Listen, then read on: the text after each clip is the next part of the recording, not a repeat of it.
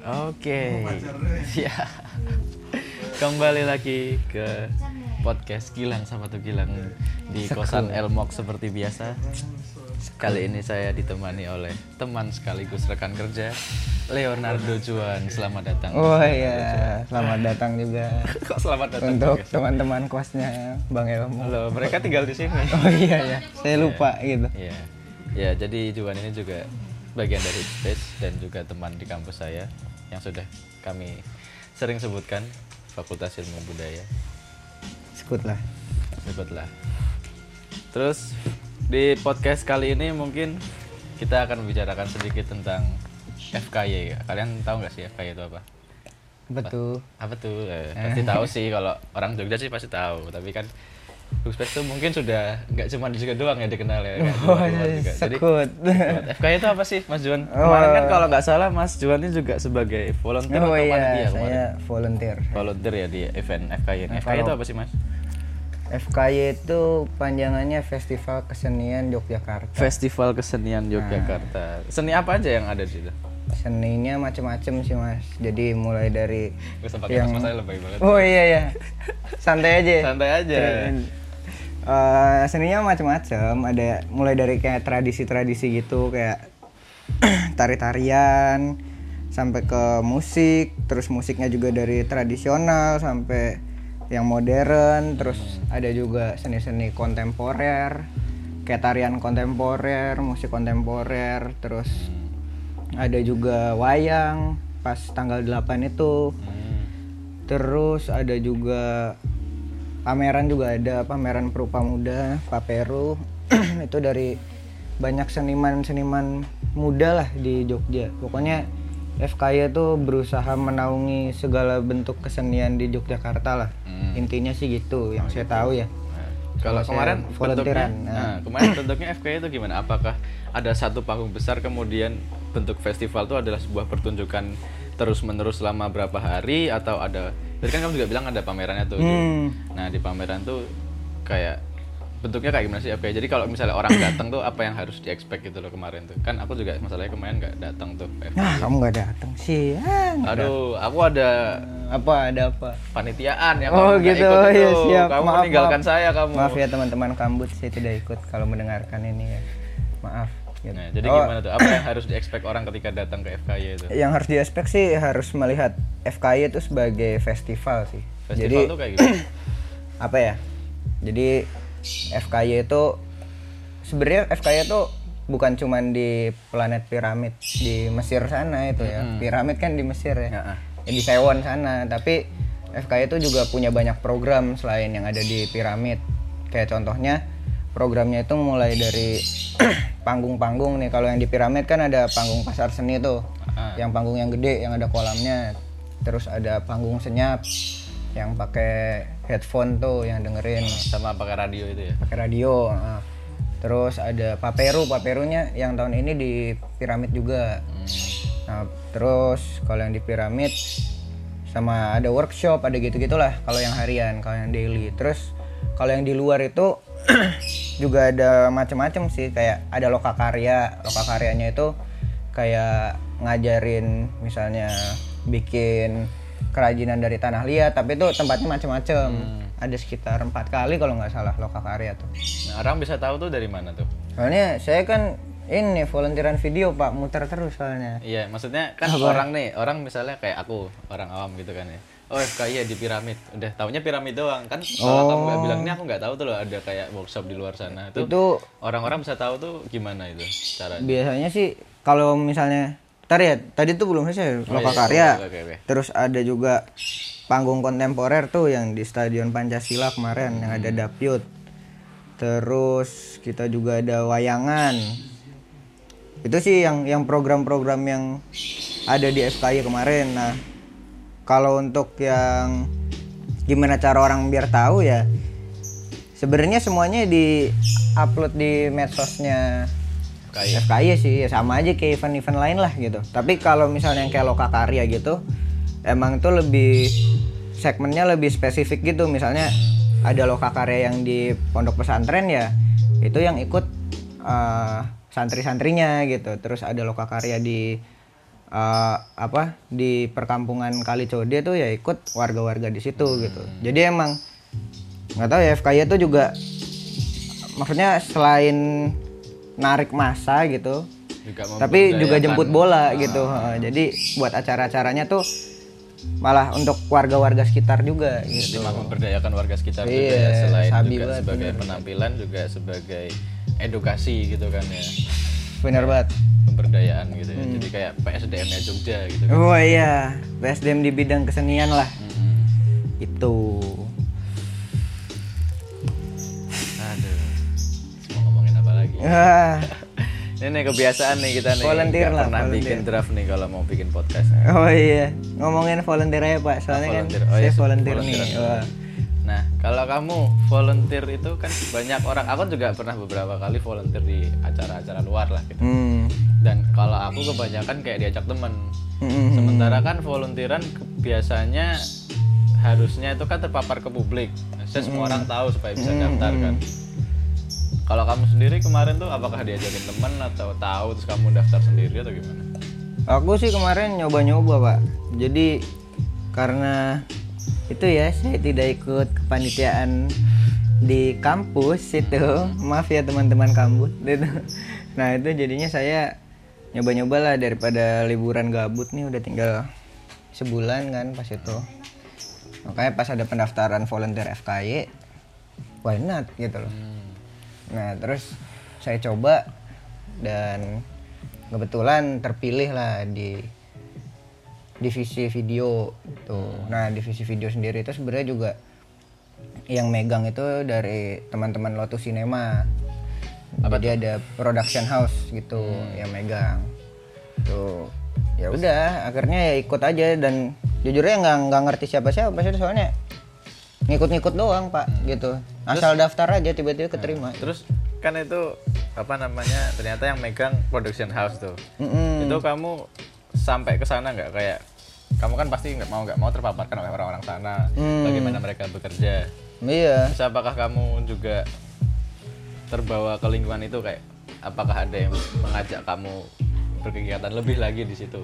Iya ya, karena karena kalau untuk video ya itu yang megang teman-teman Lotus ya saya ngikutin standarnya Lotus selama di FKY ini gitu. Jadinya ibaratnya ya saya juga ya bolak-balik di apa di Lotus gitu. Misalnya untuk ngambil barang, ngambil alat gitu-gitu dan ya jadi kenal orang-orang Lotus juga sih gara-gara FKY gitu. Dan apa ya meskipun di volunteeran ini kita tuh sebagai volunteer tapi yang menurut saya ya menurut saya itu menurut saya lagi menurut menurut aku tuh rodok beda wae nek karo karo volunteeran sing liya ya ngono. Apa event-event ngono ya soalnya FKY itu sebenarnya kita tuh di sana bukan kerja gitu loh. Bahkan dari awal pun kita nggak dikasih kontrak gitu loh. Ketika kita jadi volunteer eh, kontrak kita tuh gini gini gini gini gitu. Misalnya antar bayarannya berapa lah kita pun nggak nggak ada yang tahu gitu. Sampai sekarang pun aku juga nggak ada yang tahu. Ah. tapi di sana tuh enaknya adalah kita tuh bisa nyari link gitu. Misalnya kayak aku di video aku jadi kenal teman-teman Lotus Hmm. atau teman-teman di divisi lain gitu tuh. Kita jadi punya banyak link sih gitu. Terutama kalau misalnya kamu pengen menggeluti suatu bidang gitu misalnya aku pengen menggeluti videografi ya ini cocok banget gitu. Meskipun secara material kita nggak nggak diberikan apa-apa ya tapi menurutku sih misalnya dari hal-hal kecil ya kayak belajar standar produksi video tuh kayak gimana sih syuting tuh kayak gimana sih itu maksudnya karena aku juga bukan latar belakang di sana ya mungkin aku kalau nggak ikut FKY aku juga kopong banget pak gitu misalnya kalau di Hookspace sendiri kan ya kita tahu sendiri ya, ya inilah Ya, belajar. apa, masih Sarjana belajar YouTube lah. ya kita. sarjana YouTube kita tuh pak waduh Belajar bener banget dari YouTube. Mm-mm, Jadi belajar. namanya juga volunteer kan ya. Mereka tidak mengekspek kita ahli di bidang iya tapi bener banget Bisa jadi kita malah belajar. Jadi Iya. volunteer bukannya kita memberikan sesuatu tapi malah kita diberikan sesuatu juga. Iya, Kita betul banget, betul Jadi banget. Sambil menyelam minum air banget itu. Heeh. Nah, justru kalau di volunteer video sendiri emang rata-rata backgroundnya emang ya maksudnya lu nggak nggak boleh kopong-kopong banget lah maksudnya tentang Pokoknya punya videografi basic lah minimal minimal, ya. punya basic lah gitu misalnya kayak aku gitu pas diwawancara mungkin diterima gara-gara aku punya kerjaan di Hookspace gitu. Cuman yang teman-temanku yang lain kalau aku lihat udah lebih profesional sih. Kayak mereka juga pernah kerja di vendor di PH kerja weddingan gitu. Dan rata-rata backgroundnya emang maksudnya background background akademisnya kayak teman-teman di MMTC mereka emang belajar untuk itu gitu. Tapi ya justru di situ sarana untuk nyari tahu banget sih gitu. Soalnya emang bener-bener saya beda gitu loh. Ketika misalnya kita kita ibaratnya volunteeran juga ya dalam tanda kutip di misalnya event kampus gitu. Ketika kita ketemu atau misalnya di FIB gitu. Kita ketemu teman-teman yang kita masih belajar semua ya ya udah kita emang bener-bener start dari nol. Tapi ketika di FKY mungkin apa ya kita lebih ngelihat nih orang-orang udah profesional nih. Berarti kita harus menyesuaikan standarnya. Berarti kita harus belajar lebih dong. Nah menurutku sih yang nilai plusnya ikut volunteeran di sana sih kayak gitu gitu. Jadi mau kita terdorong untuk Heeh, bisa gitu nggak kan. mau nggak mau tuh kita harus adaptasi lah. Justru ibaratnya kayak aku sendiri nggak pernah ikut produksi video yang kayak gini tuh cukup kaget gitu loh. Cukup kaget yang kayak aduh iya nek misalnya oh misalnya aku raiso ngono. Ka- kadang-kadang kan ibaratnya aku kepikiran kayak gitu gitu. Soalnya mereka bener-bener bener-bener kayak ini banget lah. Wah kayak profesional banget lah kalau aku lihat ya. Karena aku bukan background video ya. Tapi ya lama kelamaan jadi belajar dan jadi terbiasa meskipun cuman 18 hari sih gitu. Yang apa ya yang bagus dari manajemen kevolontiran atau kepanitiaannya tuh gitu. Jadi tidak menuntut semua orang tuh emang profesional tapi dituntut untuk belajar.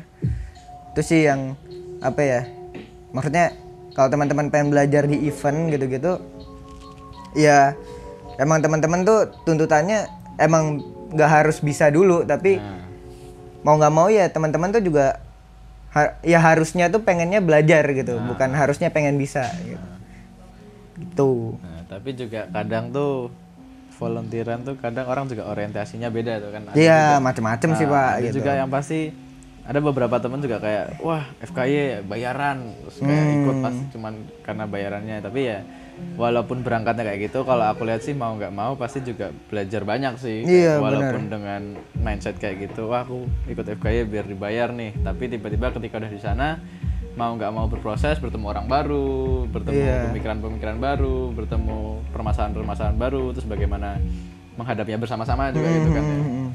Jadi kayak worth it banget lah ya namanya Iya ikut- kalau ikut kalau iya kalau kalau subjektifku ya yang sudah di FKY meskipun baru sekali ini tapi menurutku worth it kalau kamu pengen belajar gitu. Hmm. Meskipun dulu aku juga mikir juga ini dapat duit nggak ya gitu. Soalnya kan ya maksudnya uh, ya manusiawi nggak sih kalau misalnya kita Iya. kita mikirin kayak gitu tapi sebagai kita yang ibaratnya nih freelancer event-event di Jogja nih misalnya gitu kan. Tapi ya setelah udah terjun ke sana pikiran-pikiran kayak gitu udah nggak terbayangkan lagi sih Mak- maksudnya kayak wah aku dapat dapat ya dapat sesuatu yang lebih kok daripada misalnya nanti ada bayaran atau tidak gitu ya. Soalnya emang nih ya apa karena aku di sana bantuin bikin dokumenter tuh sama Mas Krisna Lotus.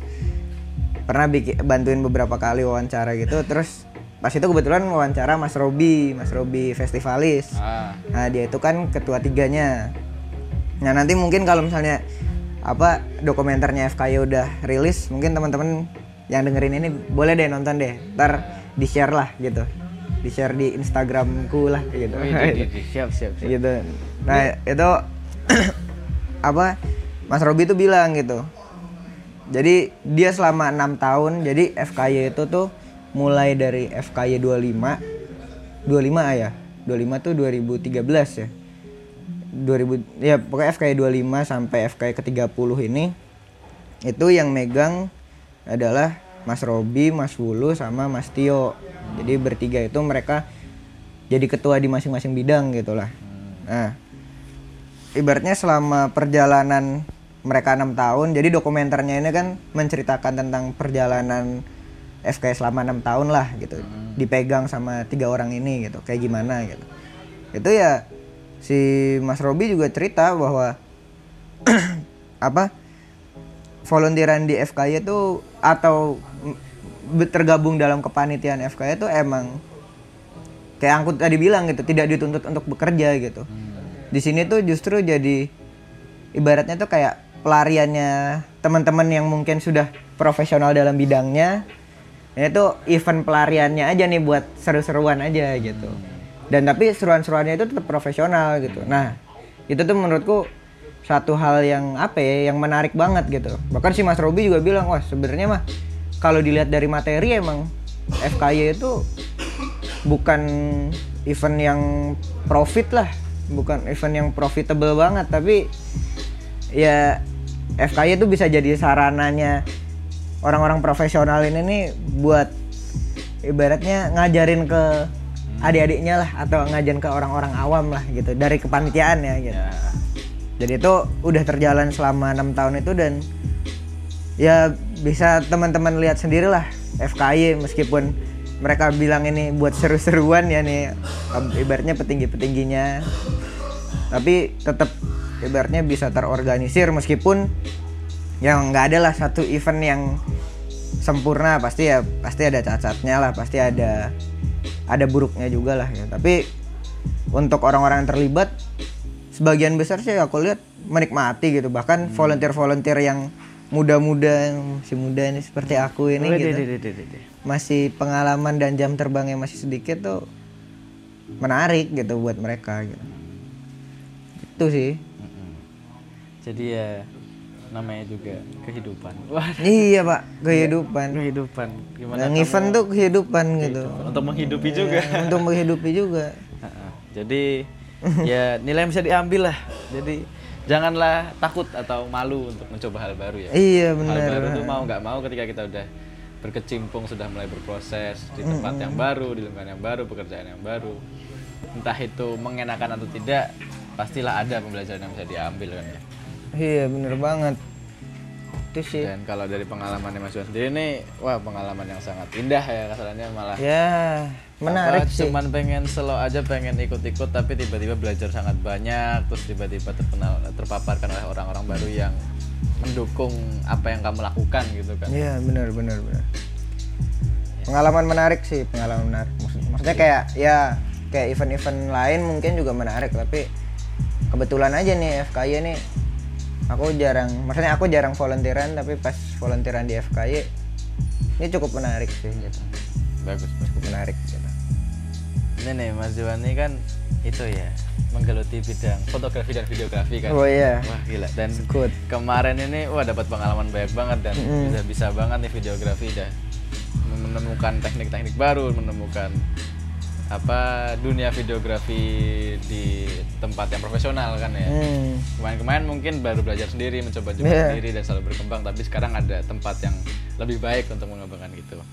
Terus mumpung banget nih Mas Juan nih. Waduh, Yo, mumpung apa mumpung nih kan kemarin nih Aji mumpung aku kemarin nggak sengaja nggak bukan nggak sengaja juga sih udah terlanjur Mm-mm. Aku kemarin kan di podcast sebelumnya nih kan sama Bang Elmo nih Iya, seorang iya. sound engineering nih. oh iya Nggak sengaja tuh udah membuat janji saya iya iya kepada pendengar. oh iya Saya kan kita kemarin ada yang denger ya ada Mungkin ada, dong ada dong Mungkin aku Bang Elmo tuh yang dengerin Oh, juga. iya. Yang lain nggak tahu siapa.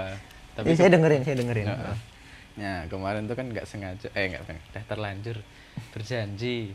Mumpung juga kemarin ngomongin konten kreator, ngomongin berkarya, Hmm. ngomongin suara dan sastra gitu kan ya. Nggak sengaja tuh aku udah bilang mau berkarya dengan Bang Elmo nih. wah iya Menciptakan sesuatu, menciptakan musik. Nah, dan aku suka apa? Aku kadang ngelihat musik ya misalnya di luar sana tuh ketika aku mendengar kayak ketika ada orang yang karya terus mengeluarkan mengeluarkan lagu-lagu mereka kayak misalnya di YouTube atau di SoundCloud Hmm. itu tuh entah mengapa aku kadang kurang menikmati ketika tidak ada visual Hmm. jadi kayak misalnya apa ya di sisi Amerika punya Childish Gambino Wah, Childish itu kan Gambino. pernah tuh aku dengar suara apa lagunya doang aku kayak oh ya udah Hmm. itu doang tuh tapi ketika aku melihat videonya gitu kan ya. Aku entah entah aku menikmati videonya atau aku bisa menikmati musiknya lebih lagi gitu. Kalau menurut Mas Juan kenapa tuh? Kenapa visual bisa mempengaruhi sebuah karya gitu loh? Kayak misalnya kan karyanya sebenarnya orang itu menggeluti bidang musik.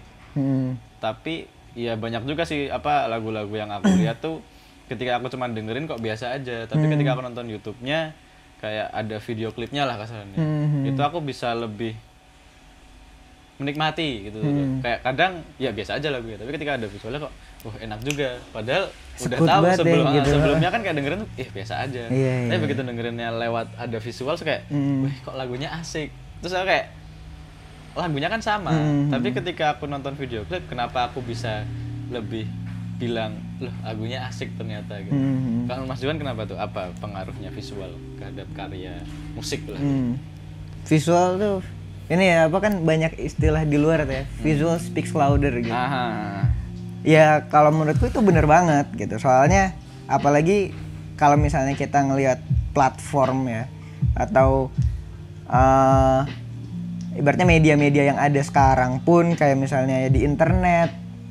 Ibaratnya sekarang media cetak aja sekarang udah mulai di mulai ditinggalin gitu. Ibaratnya ya entah itu karena literasinya kita yang kurang atau gimana tapi media cetak ditinggalin sekarang orang lebih seneng nontonin video ngelihat di ibaratnya ngelihat yang ada gambarnya lah ngelihat yang ada rupanya lah gitu.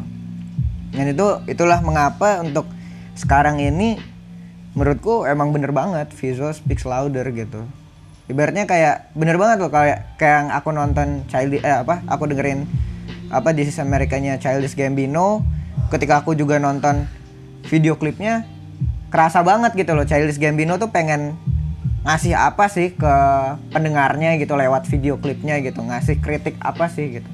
Sebenarnya kan lagunya tentang kritik banget. Ketika misalnya dia masukin di video klipnya tuh yang juga apa ya kritiknya tuh juga tersampaikan tuh wah pendengar tuh udah kayak masuk banget lah gitu. Masuk tenan Pak Eko. Hmm.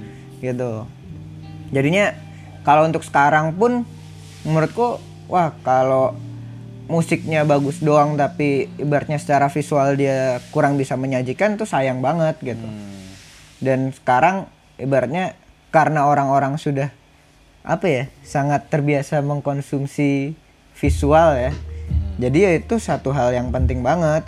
Jadi ya eh ibaratnya kayak kita ini deh kayak kita misalnya kita dengerin dengerin cuman di Spotify dan kita datang ke konsernya pasti kan rasanya beda. Iya. soalnya kan misalnya kita dengerin di Spotify kita cuma dengerin lagunya doang. Tapi pas kita nonton nonton konsernya kan kita juga ngelihat orangnya yang mainin mainin instrumen dan nyanyi gitu-gitu kan. Dan kita juga ibaratnya di tengah-tengah penonton kita bisa sing along gitu. Itu kan suatu pengalaman yang beda gitu loh.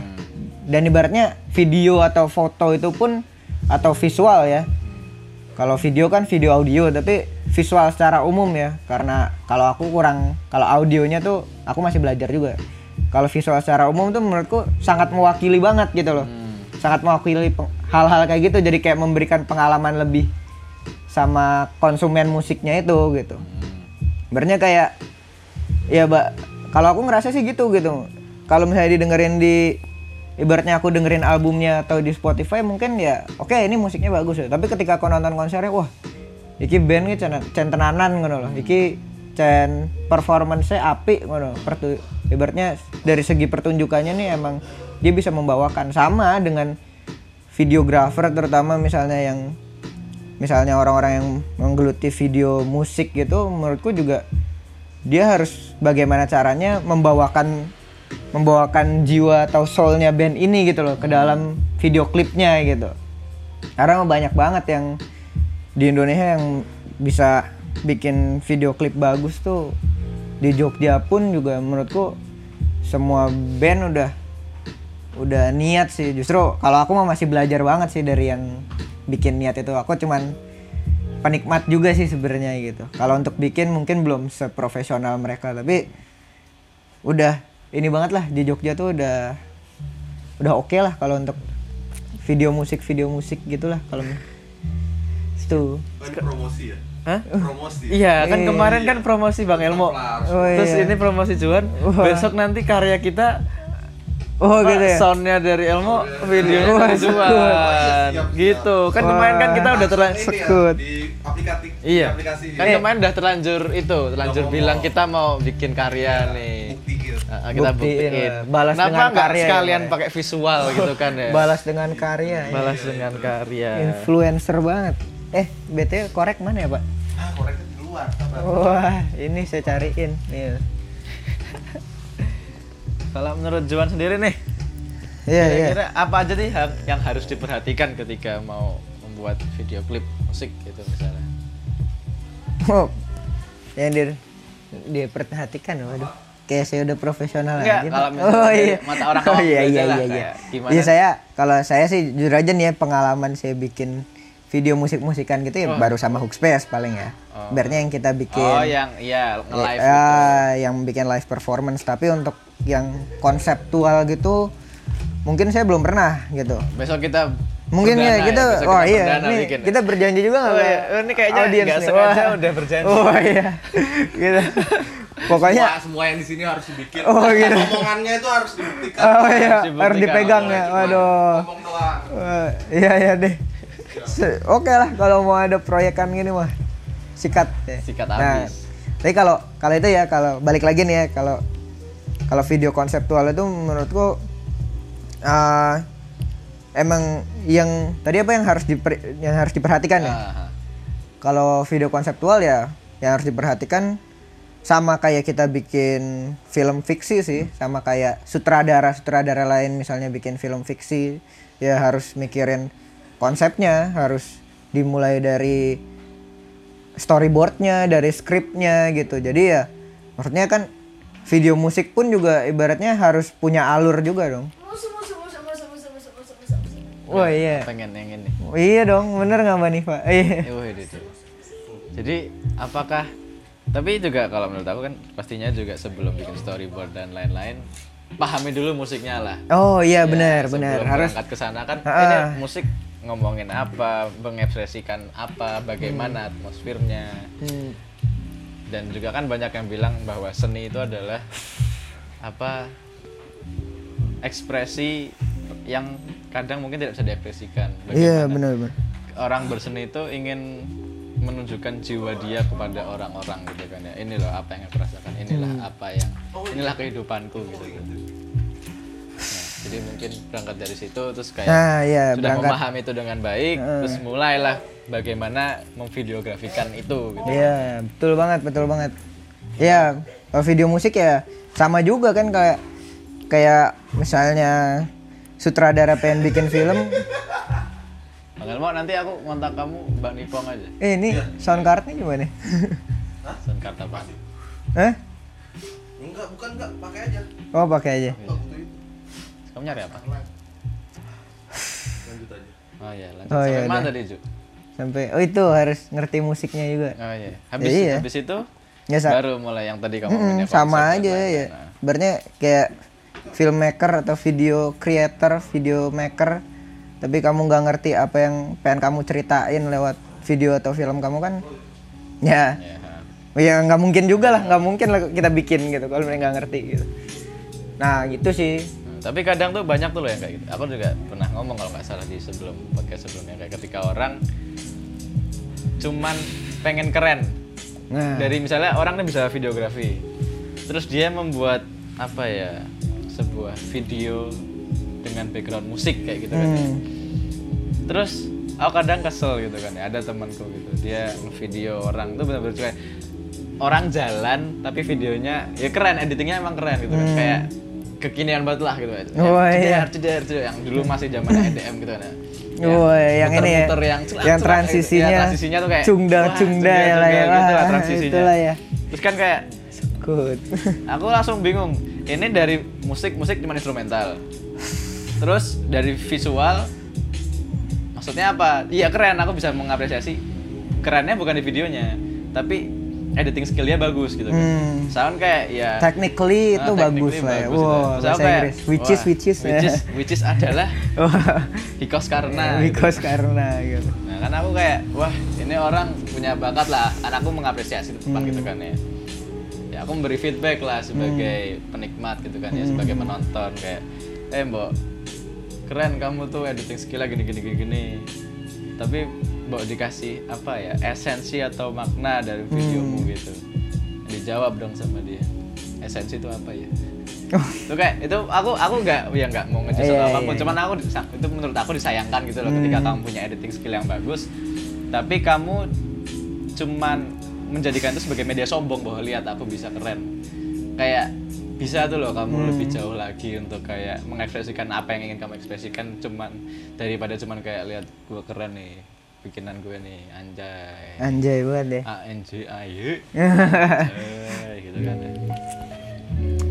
Itu menurutku sih ya itu problematika anak muda zaman sekarang ketika pengen bikin karya lah ya dalam tanda kutip ya. Soalnya ya nggak tahu ya maksudnya kayak apa kayak misalnya influencer-influencer yang ada di YouTube aja. Ibaratnya mereka kan pasti ibaratnya aku pun juga aku pun referensiku dari influencer-influencerku di YouTube gitu. Dan mungkin semua orang juga kayak gitu gitu karena YouTube sebagai media yang gede dan berpengaruh terhadap kehidupan kita sehari-hari ya. Mungkin influencer-influencernya itu juga ya gitu. Ya ya nggak tahu ya. Permasalahan esensi kan pribadi lah ya. Iya, pribadi. Maksudnya subjektif lah. Mungkin dia nggak tahu esensi karena dia nggak tahu apa nggak tahu esensi itu sebenarnya artinya apa gitu. Esensi kan tujuan lah. Ibaratnya goals apa yang pengen kamu sampein dari karya kamu gitu. Ya kalau menurutku sih ya mungkin dia apa terinfluence-nya sama hal-hal teknis gitu.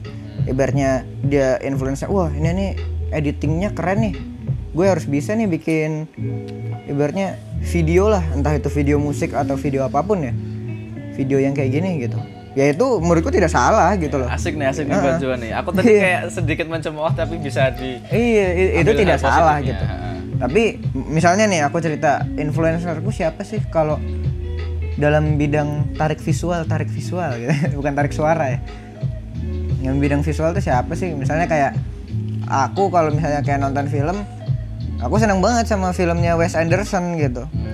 Kayak apa Moonrise Kingdom kayak Grand Budapest Hotel kayak ya itulah film-filmnya Wes Anderson tuh soalnya dia secara visual tuh uh menarik banget. Dia warna-warnanya tuh sangat saturated lah sangat berwarna yang ngejreng banget. Tapi eh, dialog dan cerita yang dia sampein tuh apa ya kompleks gitu loh. Kayak Royal Tenenbaums tuh dia nyeritain tentang keluarga yang rusak aja tapi dengan satir-satir dan jokes-jokes gitu itu menurutku wah gila nih orang jenius amat gitu. Misalnya lah kan kalau misalnya meskipun aku belum belum pernah filmmaking atau video making yang konseptual gitu tapi someday mungkin aku pengen banget Yoi, bikin hal-hal yang kayak gitu gitu loh. Jadi ibaratnya kalau dari Wes Anderson pun aku juga ngambil teknisnya gitu. Aku ngambil color palette-nya buat color grading di Hmm. video eh berarti video-video book space gitu misalnya. Atau aku ngambil ngambil teknis-teknisnya lah komposisinya gitu, gitu. tapi eh berarti aku aja aku pun masih meniru kayak gitu loh gitu. Aku masih meniru, meniru influenceku nih teknis-teknisnya doang gitu. Tapi segi esensi kan aku juga belum gitu. Jadi kalau misalnya kamu apa Mas Gilang tadi berbicara loh kamu uh, tentang temannya ini yang tidak tahu esensi apa yang dia buat itu menurutku aku pun juga kayak gitu Iya, pak iya, gitu. iya, iya, iya. bener juga sih. Maksudnya itu kan udah agak lama sih ya dulu. Aku cuman agak sebel aja soalnya emang temanku agak songong gitu Oh, kan. iya, Nah, iya, jadi kayak ya aku kayak mencoba ya memberi feedback yang baik lah. Iya. cuman agak sebel juga tapi ya setelah mendengarkan Juannya juga kayak oh iya bener juga sih namanya juga berproses kan Iya. namanya ya juga berproses ketika mencoba dan sebenarnya ada nilai bagusnya juga ketika dia mau menunjukkan apa yang dia Mm-mm, coba benar, gitu kan. dia udah mencoba mempelajari dia coba lakukan eksekusi terus dia tunjukkan dan mungkin Iya. ya sekarang sudah sudah mulai berkembang dan aku nggak tahu ya aku udah nggak ngikutin dia dan lain-lain tapi ya benar juga sih aku juga sebuah apa pelajaran nih buat aku kayak Hmm. orang kayak gitu ya lagi belajar jangan terus kamu kayak Iya, ah iya. ini cuma teknis doang nih gak ada gunanya terus cuma pengen sombong nih. Padahal kan ya sebenarnya orang itu belajar mencoba Iya, itu oh aku aku udah bisa editing nih. Mungkin aja dari situ dia dilihat orang mungkin malah kayak production production house gitu lah kayak wah teknik dia bagus nih editing dia mungkin dia bakal diambil dan lain-lain kan cuman dari gara-gara yang aku tadi cemooh ternyata bisa menghasilkan yang lebih bagus gitu loh ya. Pelajaran juga buat aku kadang. Kadang juga itu nilai plus yang kadang orang suka ambil gitu loh. kayak Iya, benar, kadang malah orang-orang bertalenta yang bisa lebih baik mungkin tapi exposure-nya kurang. Ah, orang-orang iya, kayak wah aku mungkin masa lebih mama masa kurang baik atau apa pun. Padahal kalau aku lihat malah kadang yang biasa-biasa aja tapi aku bisa menangkap lebih baik tuh kayak tanya tuh loh kenapa nggak kamu share gitu kan enggak aku ini buat aku sendiri gini gini gini Ya, itu juga sesuatu yang disayangkan sih menurut aku Iya, iya. jadi ya kalau begitu aku akan lebih chill aja Ya, iya daripada- itu apa pak? Apa? Kayak kemarin deh yang kasusnya Mas Farid Stevi. Ya kasusnya bukan Mas Farid Stevi sih, tapi ada lah satu yang katanya influencer itu di Instagram itu, selebgram. teman SMA saya Oh iya teman. yang iya, saya bilang iya, iya. barusan yang saya esensinya itu Oh iya, Bacila. Yo rapopo, yo rapopo. Wah, kui kui bali mana ya? Iki Oh, bali mana? boleh. Maksudnya Oh, eh ibaratnya kayak ibaratnya dari dari Mas Farid mem, apa Mas Farid itu dia ibaratnya menjadikan an- ya orang ini exposure gitu loh karena tanggapannya dia terhadap apresiasi itu kurang gitu. Itu menurutku justru juga jadi tamparan buat kita semua gitu sih. Apa pun yang ya apa pun selera kita tuh menurutku kita juga tetap harus mengapresiasi sih gitu. Maksudnya budaya apresiasi itu menurutku apalagi misalnya teman-teman yang berkecimpung dalam industri kreatif ya apa pun segmentasi kalian apa pun pasar kalian apa pun output kalian tuh semuanya patut diapresiasi gitu loh.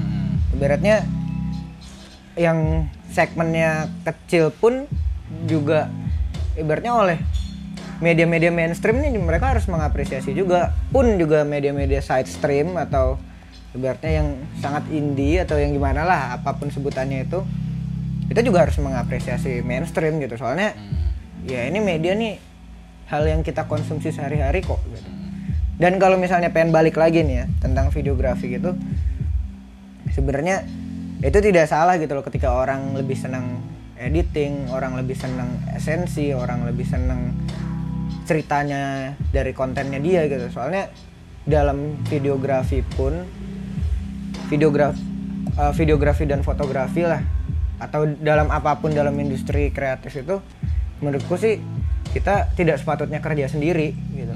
Kayak di videografi atau di filmmaking atau video making gitu sebenarnya kan banyak banget loh yang yang ibaratnya bekerja di situ gitu untuk menghasilkan suatu video atau suatu film gitu. Ibaratnya di film aja kan ada sutradara ada DOP, director fotografi, ada talentnya, ada aktornya, aktrisnya, ada bahkan sampai ke catering, bahkan sampai ada ke location manager gitu-gitu. Itu si Joko Anwar pernah bikin tweet tweet, di Twitter kayak gitu dan itu menurutku menarik gitu loh. Itu kayak membuat aku melihat terutama juga kemarin pas aku FKY ya. Si ini Bang Ucok nih eh, ini apa presidennya apa divisi video nih itu berkata bahwa gitu videografi tuh gue kira kerja dewe pak videografi ki gue kerjanya bareng-bareng. Justru eh, kalau misalnya ada orang dengan ketertarikan masing-masing tentang editing tentang tentang cerita gitu-gitu kan mungkin bisa dimasukkan dalam kalau dalam satu bagian produksi film atau video gitu mungkin ya mungkin yang suka suka ceritanya mungkin dia bisa lebih ke script writing atau dia jadi sutradara. Yang suka editing ya mungkin dia jadi editor gitu-gitu kan bisa dimasukin ke situ-situ loh. Nah, kalau aku sih harapanku ngeliat industri kreatif itu juga bisa kayak gitu gitu. Bisa saling support gitu dengan perannya masing-masing gitu. Ibaratnya kalau kamu jagonya di videografi, kamu jagonya di musik, ya itu bikinlah video yang bagus, bikinlah musik yang bagus yang ibaratnya kalian dengan menghasilkan kayak gitu kalian bisa puas gitu. Nah itu jadi kan kalau misalnya kita kerja saling support gitu kan enak gitu loh. Maksudnya orang mau orang mau nyinyir tok ibaratnya ya nyinyir itu baik, kritik itu baik gitu. Tapi kalau kamu udah kritik tuh kamu harus ngerti gitu loh. Yang kamu kritik tuh apa dan nanti setelah dikritik apakah orang ini akan berubah atau gimana gitu. Maksudnya mengkritisi itu juga harus dipikirkan gitu. Kadang kalau kita ngeliat netizen kan ya nggak tahu ya kalau aku ngeliat tuh kayak Waton nyangkem. waton nyangkem wae ngono waton sing sing suka diomongin. iya nek suka diomongin nek ra, ra, ra seneng apa meneh nek ra seneng ya pak Eh, nek misalnya apa nih orang nih oh bahasa aku nyampur nyampur tuh Gak apa-apa. Oh, iya. Udah diomongin kok di podcast podcast sebelumnya. Oh, iya. Multilingual kita. tuh. multilingual ya Nah, kalau misalnya nih nih orang emang gak seneng apalagi ya wah bisa tubir-tubiran kan ya malah itulah jadi toxic ya malah nggak Iya, nggak ada iya. nilai baik yang bisa diambil iya malah. menurutku ya kalau kalian pengen ibaratnya pengen maju bareng-bareng di industri kreatif apa pun ya entah itu video foto kesenian apa pun ya saling support lah gitu. Itu sih yang Ya kayak yang kita lihat tuh kayak budaya apresiasi ya emang ya di Indonesia tuh agak kurang baik. Ya nggak usah ngomong Indonesia lah dari lingkungan kita sendiri-sendiri pun pasti kayak gitu kayak tadi aku di awal ngomong gimana kan juga itu sebenarnya budaya apresiasi yang kurang. Tapi ketika Iya. udah kita ngobrol lebih lanjut lagi aku di dipaparkan oleh pemikirannya Juan ini juga wah iya ternyata salah nggak salah juga apa yang mereka Iya. lakukan dan apa yang aku lakukan juga salah nggak salah juga gitu tuh loh masih selalu ada ruang lah untuk menjadi lebih baik gitu loh kayak ya bener juga tadi kayak semua semua karya semua selain karya apa ya Pak? program lah apa pun itu ya sesuatu itu apa pun outputnya lah Mm, itu pasti dipengaruhi oleh beberapa faktor dan kadang yang aku lihat tuh di sekitar kita orang akan terlalu fokus atas hasilnya. Nah, Misalnya kita bikin musik terus ada video klip. Ketika orang nonton video klipnya, mereka kan lebih fokus ke video. Terus kayak, oh ini video jelek. Padahal mereka nggak lihat di belakang itu ada ada ya, prosesnya proses yang banyak kayak penulisnya, yang matengin konsep, pemusiknya dan lain-lain itu loh. Yang kadang orang kayak kurang bisa mengapresiasi di bagian itu. Ya walaupun ketika dia terfokusnya atas hal itu dan dia men- menemukan nilai yang buruk dan dia memberi feedback juga itu sebenarnya juga bagus. Cuman kadang budaya apresiasi itu kalau misalnya dibawa ke bidang mana pun, tuh, misalnya ada acara gitu kan ya, Hmm. acara musik, orang-orang apa ya kayak yang kasusnya kemarin itulah dia Hmm. kayak langsung wah ini kayak gini kayak gini kayak gini kayak gini.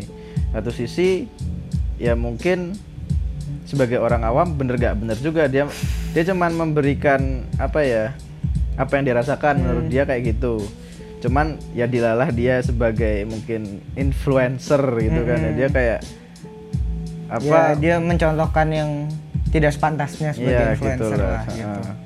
Ya agak disayangkan saja. Iya, dan menurutku itu bijak banget sih maksudnya Mas Farid Stevi dengan orang ini pun akhirnya sudah menemukan hasil akhir dan menurutku itu bijak gitu loh. Maksudnya itu menemukan jalan tengah yang sama-sama belajar Mm-mm. dari dua dari masing-masing pihak ini gitu.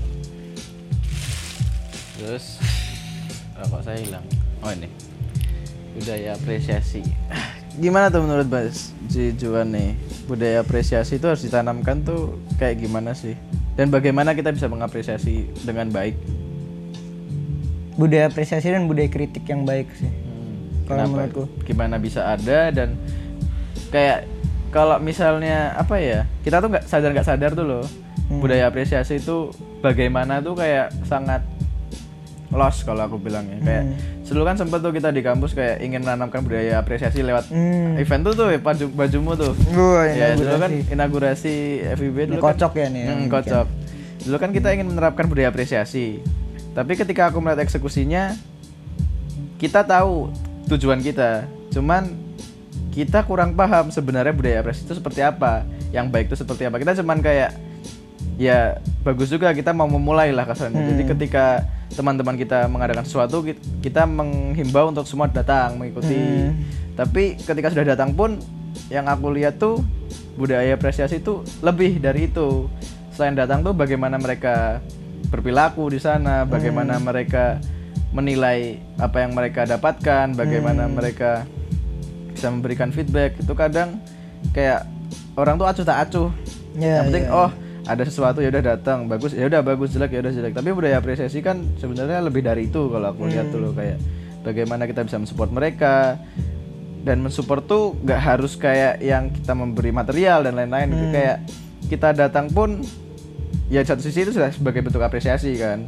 Tapi juga mungkin kita memberi feedback kita memberi bantuan tenaga memberi bantuan pikiran kayak apa pun lah itu. Tapi kalau tapi kadang ketika orang menjadi konsumen ya mereka juga punya hak untuk nggak suka atau suka Iya, gitu loh. kayak iya. oh aku sebenarnya konsumen kok acaranya kayak gini Hmm. dan mereka apa berkeluh kesah tuh ya sebenarnya itu adalah feedback gitu kan ya untuk penyelenggara untuk menjadi lebih baik Hmm. tapi yang aku nggak suka adalah ketika itu adalah sebuah bentuk nyinyiran yang apa ya tidak membangun gitu loh Iya, iya. tapi ya walaupun sebenarnya kritik yang tidak membangun yang hanya sebuah cemoohan tuh ya juga bisa digunakan untuk berkembang gitu loh Iya, kayak iya. tamparan oh aku Tergantung orangnya sini." Ah, tergantung ya. orangnya cuman apa ya yang aku nggak suka tuh nah ini budaya apresiasi dari penyelenggara misalnya Hmm. ketika konsumennya sudah jadi bajingan gitu kan ya Eh, terus mereka jadi ikutan jadi bajingan nah si penyelenggara kan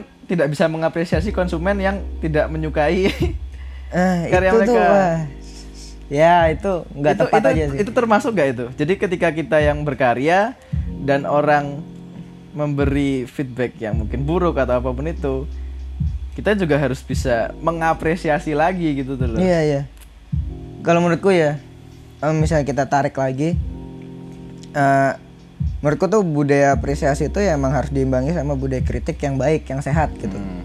Soalnya ibaratnya, ibaratnya apa pun lah yang kita kerjakan gitu, terutama dalam industri kreatif ini. Lagi-lagi aku ngomong industri kreatif ya. Eh, itu tuh kita pasti pasti kita based on segmen kita gitu loh. Hmm. kita kita pasti apa ya kita berarti kita pengen bikin musik yang kayak gini atau kita pengen bikin video kayak gini tuh ya kita harus ngerti dulu segmen kita tuh siapa gitu. Hmm. pasar kita tuh siapa. Itu menurutku tuh hal yang harus diperhatikan pertama gitu loh. Oleh orang-orang yang yang ibaratnya menggeluti apa pun lah acara industri eh, industri kreatif lagi-lagi. Acara atau bikin musik atau bikin film atau apa pun gitu. Itu pertama mereka harus ngerti dulu segmennya siapa. Nah terus ketik budaya apresiasi dan budaya kritik yang baik itu tuh menurutku ya gimana kita tuh bisa mengapresiasi orang dengan sepenuhnya lah ya. Maksudnya kalau dibilang baik ya baik dibilang jelek ya jelek dan itu harus ada alasannya gitu loh. Hmm. tapi ketika misalnya kita dikritik kita juga harus menerima dan kita harus menanyakan lagi gitu loh. Kenapa kamu mengkritik kayak gini gitu? Dan maksudnya nggak boleh apa eh, kedua pihaknya itu nggak boleh maksudnya nggak boleh yang kayak berdebat terus gitu loh. Maksudnya kalau misalnya misalnya nih ya kayak kayak cerita tentang acara itu ya.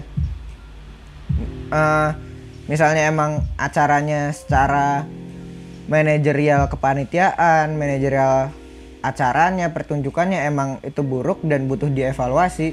Itu ya sebagai penyelenggara pun kita juga harus menerima gitu loh. Kalau kenyataannya emang begitu gitu, kalau kenyataannya emang soundnya jelek, terus talentnya juga tidak sesuai harapan gitu-gitu ya, kita harus kita juga harus menerima dong kalau kita dikritik uang bikin Chen maksudnya kita ngelihat aja jelek gitu loh. Hmm. masa orang lain ngelihat jelek gak boleh sih gitu. Hmm. jadi itu sih. Jadi kudune misalnya koyo tagline-nya FKY kan mesem meleh ya. Wah ini gue gue FKY mana wah. Apa jadi mesem ya senyum karena semeleh ki ikhlas gitu. jadi harus disenyumi dan diikhlasi gitu kalau misalnya ada orang yang mengkritik. Tapi ya kita juga harus mau belajar dari orang-orang yang mau kritik itu. Jangan jadikan kayak kritik itu cuman nyinyiran aja gitu. Ketika kritik itu emang sengaja dibangun karena kesalahan kita ya udah gitu loh. Ya kudu terima pak gitu. Itu sih. Jadi orang tuh harus bisa mengapresiasinya tuh dengan sehat. Dikritik pun juga dengan sehat gitu. Jadi nggak ada nggak ada inilah nggak ada perasaan ingin menyakiti lah. Meskipun kritik itu sakit ya. Tapi setelah sakit itu ya kita sehat lagi gitu loh belajar lagi gitu. berkembang mah jadi malah lebih, malah sehat jadi gitu kan. oh, jadi pacuan kita gitu. Itu menurutku baik sih dalam apa pun lah. Nggak cuma dalam kerjaan atau acara atau musik atau kesenian tapi juga dalam kegiatan sehari-hari sih menurutku ya nggak sih? Hmm. kayak dari berperilaku aja juga iya dari kan kita berperilaku aja kan kita juga, pasti ya namanya juga manusia lah. Tuh. Hmm, pemikiran yang beda-beda juga kan Mm-mm. ya. itu sih. Gimana? Bingung ya? Bingung ya kalau nggak ada draft gini. Iya. Tapi nggak apa sih menurut aku. ini dari awalnya udah ngomongin FKI kayak videografi, videografi. volunteeran. Eh volunteeran dulu videografi. Volunteeran videografi apresiasi, dan apresiasi, kritik ya. kritik. kompleks juga nih pembicaraan. Gila sih tapi untuk hari ini. Ini mungkin podcast yang paling bermutu untuk selama ini. Oh gitu. Iya. Ini juga saya berterima padahal kasih aku nih. rambut tuh tenang. oh bermutu ini Wah, yang ada. mungkin kadang kita kira nanti tidak bermutu tolong dikritik ya gitu dan diapresiasi Iya kayak selalu kita bilang kan di diberilah kita feedback bagaimana sih podcast yang baik menurut kalian tuh jangan lupa komen down below gitu tuh oh comment down below ya wah kan di Hookspace juga ada komen section komennya tuh wah. Iya, makanya kalau misalnya orang nggak suka Hookspace pun nggak usah buka Hookspace nggak apa-apa kan sebenarnya. Wah. Nah, tapi jangan Tapi jangan gitu. tetap harus dibuka biar kita dibuka, soalnya- berkembang Soalnya kita butuh viewer, Pak. Hmm, kita yang butuh- gitu. Kita buka, butuh feedback. Benar, kita butuh feedback karena kita juga mm, berangkat dari nol kan kita juga Iya, benar-benar. Selalu butuh apa ya tamparan kecil-kecilan ya besar-besaran juga nggak apa tapi yang penting selama kita bisa selalu berkembang kenapa tidak gitu kan Iya, betul. Tuh. betul betul betul kemudian kita mau ngomong apa lagi nih Mas Juan nih mungkin kita agak sedikit break dari omongan serius nih kita kayak ngobrol Oh, iya. kecil-kecilan Woi ada Mas Amin ternyata. ini dia. Ini jadi cawapres loh. Cawapres. M Amin Gimana mas? Ini udah cukup bermutu nih podcast kali ini nih. Alhamdulillah. Agak break dulu, agak santai-santai dulu aja kita. Macam-macam yang diomongin. Macam-macam ini, kayak- ngomongin orang aja nggak apa-apa. Nggak apa-apa. Tapi tadi ngomongin orang sempat sedikit. Oh iya enggak Tapi ya, kita itu memberi no hard feelings iya, lah itu cuman buat belajar Ah, belajar. dari pengalaman kemarin Iya, gitu. kita tidak menjelek-jelekan kamu Mm. atau siapa pun kan Anda, cuman ya ada kasus seperti itu dan bagaimana kita harus Iya, bagaimana tanggapan kita Iya, doang kan tanggapan itu. kita kan ya mungkin orang punya tanggapan yang beda tapi ketika meninggalkan tanggapan kita mungkin itu sebuah tanggapan yang mungkin agak aneh di, bagi mereka. Kok kok mungkin ada yang setuju nggak setuju gitu sama orang-orang ini kayak dengan mendengarkan kita juga semoga harapan kita kan juga kayak ya ya tadi itu budaya apresiasi itu yang bagaimana sih sebenarnya gitu kan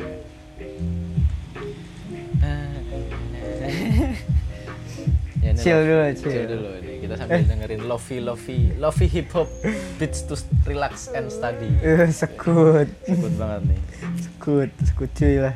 sekut sekut abis ngapain ya main game main game Aku harap iki ya. Apa?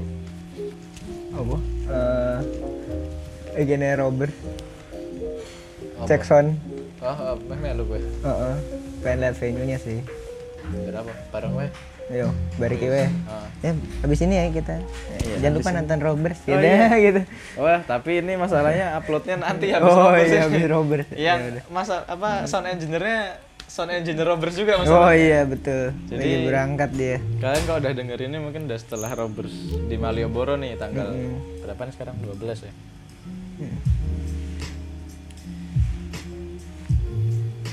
Oh chill. Silabis. Asiknya ngejamu ini nge- Hah? sambil minum jamu ini. Wah, enak banget sebenarnya. Dari kemarin sebenarnya pengen gitu. Besok-besok yuk. Uh, besok podcast ya. Besok podcast kita bawa jamu. Oh iya, cocok.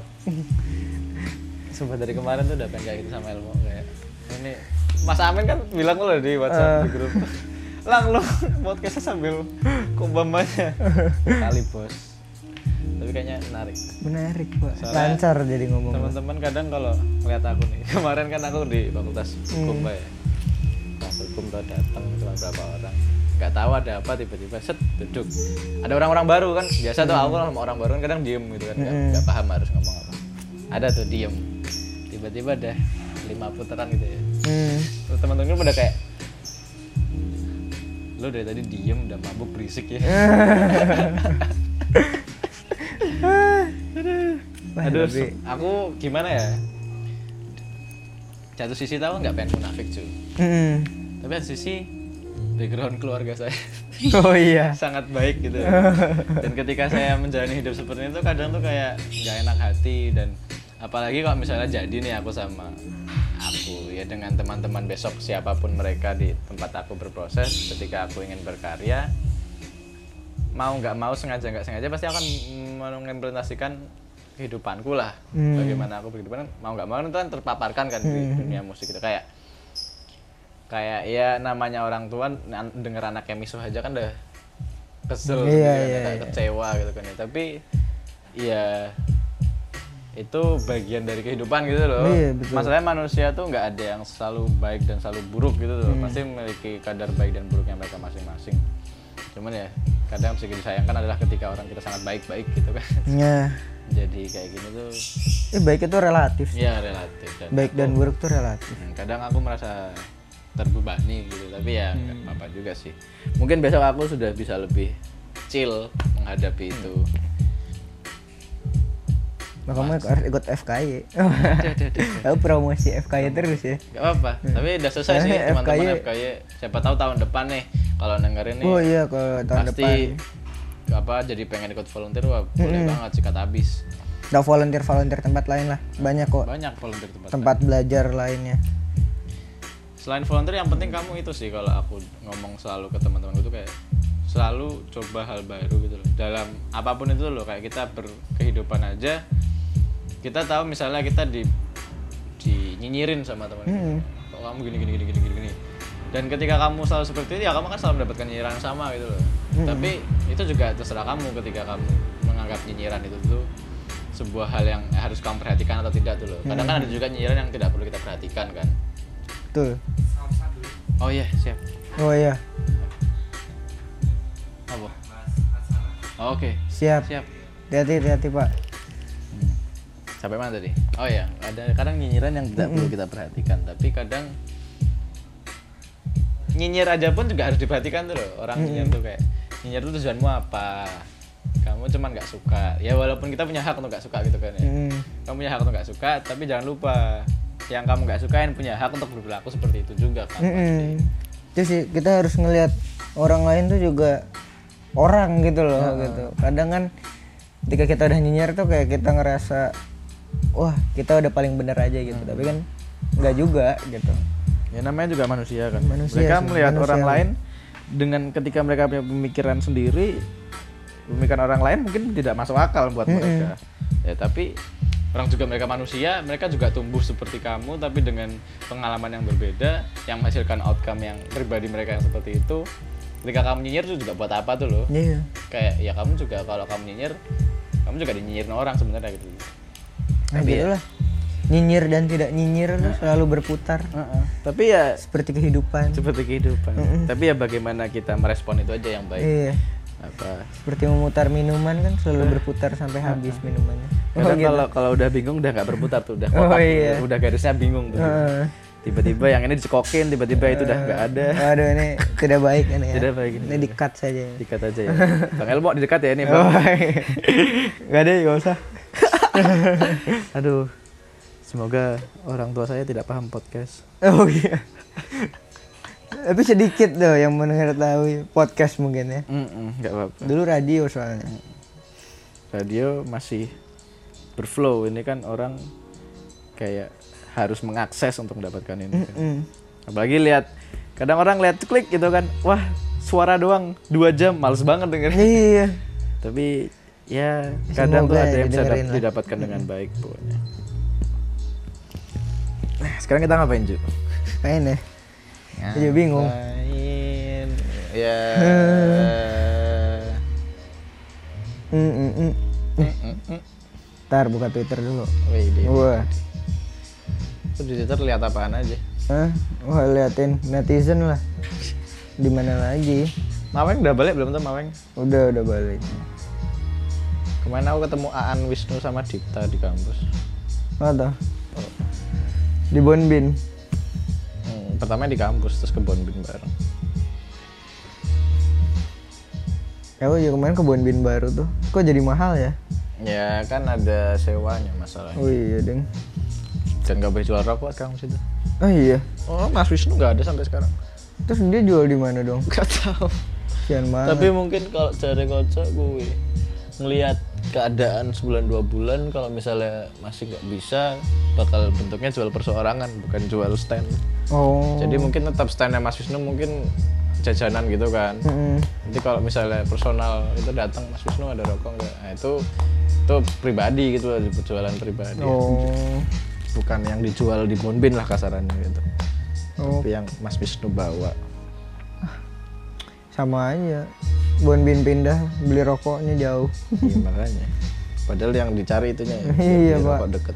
Selain makanannya ya, yang dekat. Dan juga rokoknya. Ah, tapi udah mau kuliah nih. Kita mau kuliah apa? ya? Nah, mending ngomongin kuliah ya, kuliah, kuliah. Kuliah. Gimana kuliahmu?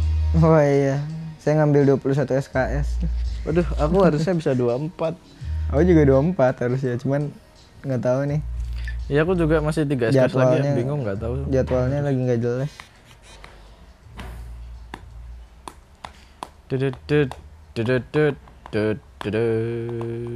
Mana tadi Palawa?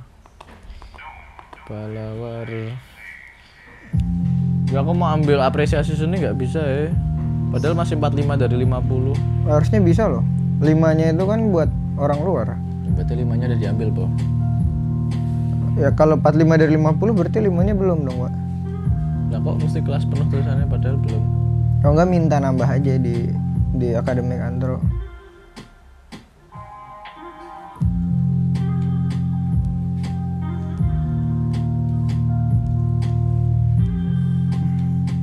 Masih bisa nggak tahu ngisi sekarang? Udah enggak kayaknya. Kemarin kan yang terakhir. Udah nggak bisa tambah IRS. iya kan. Ah, aku cuma ambil dua satu SKS. Tiga SKS. Aku aja ini baru 13 yang ini. Sumpah. Iya, Yang baru udah- 13, Pak. Jadi terus aku nambah lagi kan, soalnya kuotanya habis. Tapi aku tiga SKS sastra budaya. Apa? Kelas sastra Oh, budaya. iya. Soft skill anjir. Bingung, A, eh. Bingung aku harus ambil apa ya. Udah ambil aja sastra budaya. Apa aku ambil soft skill aja ya? Ambil aja coy. Auto A. Toan. Mumpung belum wajib semua jurusan. Kalau wajib semua jurusan pasti rebutan tuh. Emang iya? Belum Kan- wajib. Wajib baru aku kemarin lihat tuh untuk anak 18 itu tuh sas pran, sas sing, sas jauh sama apa gitu. Yang wajib. Kalau yang lain masih pilihan. Soalnya kan emang mau diwajibin buat angkatan 17, 18 dan seterusnya. Oh, kitanya belum ya? Kita Kitanya emang nggak wajib. Mana nih? Ke Roberts yuk. Ya ini masalahnya pintunya dikuncinya gimana? Nah itu. Nah, aku tadi bilang Mas Awan aku pengen sana. Terus kamu ajakin podcast dulu kan? Ya udah. Lu ke sana berapa lama? Nonton bentar atau terus sampai till end gitu? Ini aja, cek sound aja, ngeliat cek sound, ngeliat venue, terus pengen naruh kameranya di mana kan? Nanti lu ngerekamin. Iya. Itunya doang.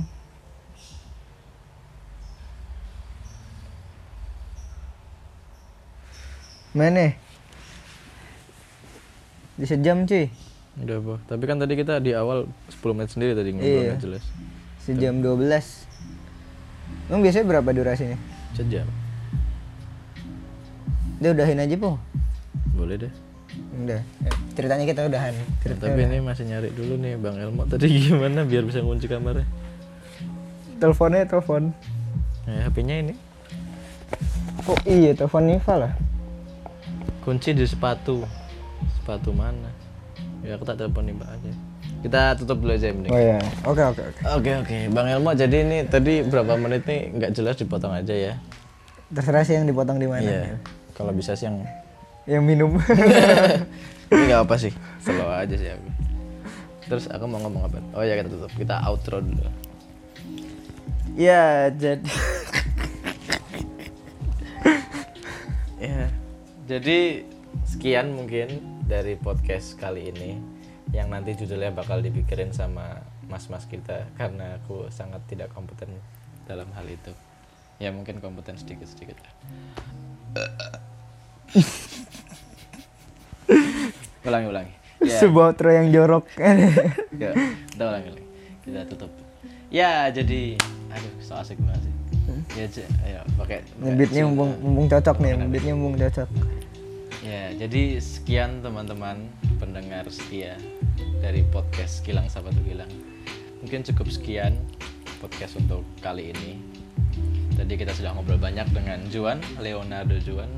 Dia kita banyak bercerita tentang FKY, menjadi volunteer, terus kemudian videografi, terus bagaimana kita berkarya, budaya apresiasi juga bagaimana yang baik dan sehat tuh bagaimana sih. Jadi itu saja. Jangan lupa untuk dengarkan podcast kita berikutnya. Kita upload insya Allah setiap hari Minggu. Kita akan selalu ada konten-konten baru yang on the spot kontennya. Ketika kita syuting terus langsung iya kontennya ini. Jadi sekali lagi itu saja. Saya Gilang Dan saya Juan. pamit undur diri. Jangan lupa untuk dengarkan podcast berikutnya. Nih.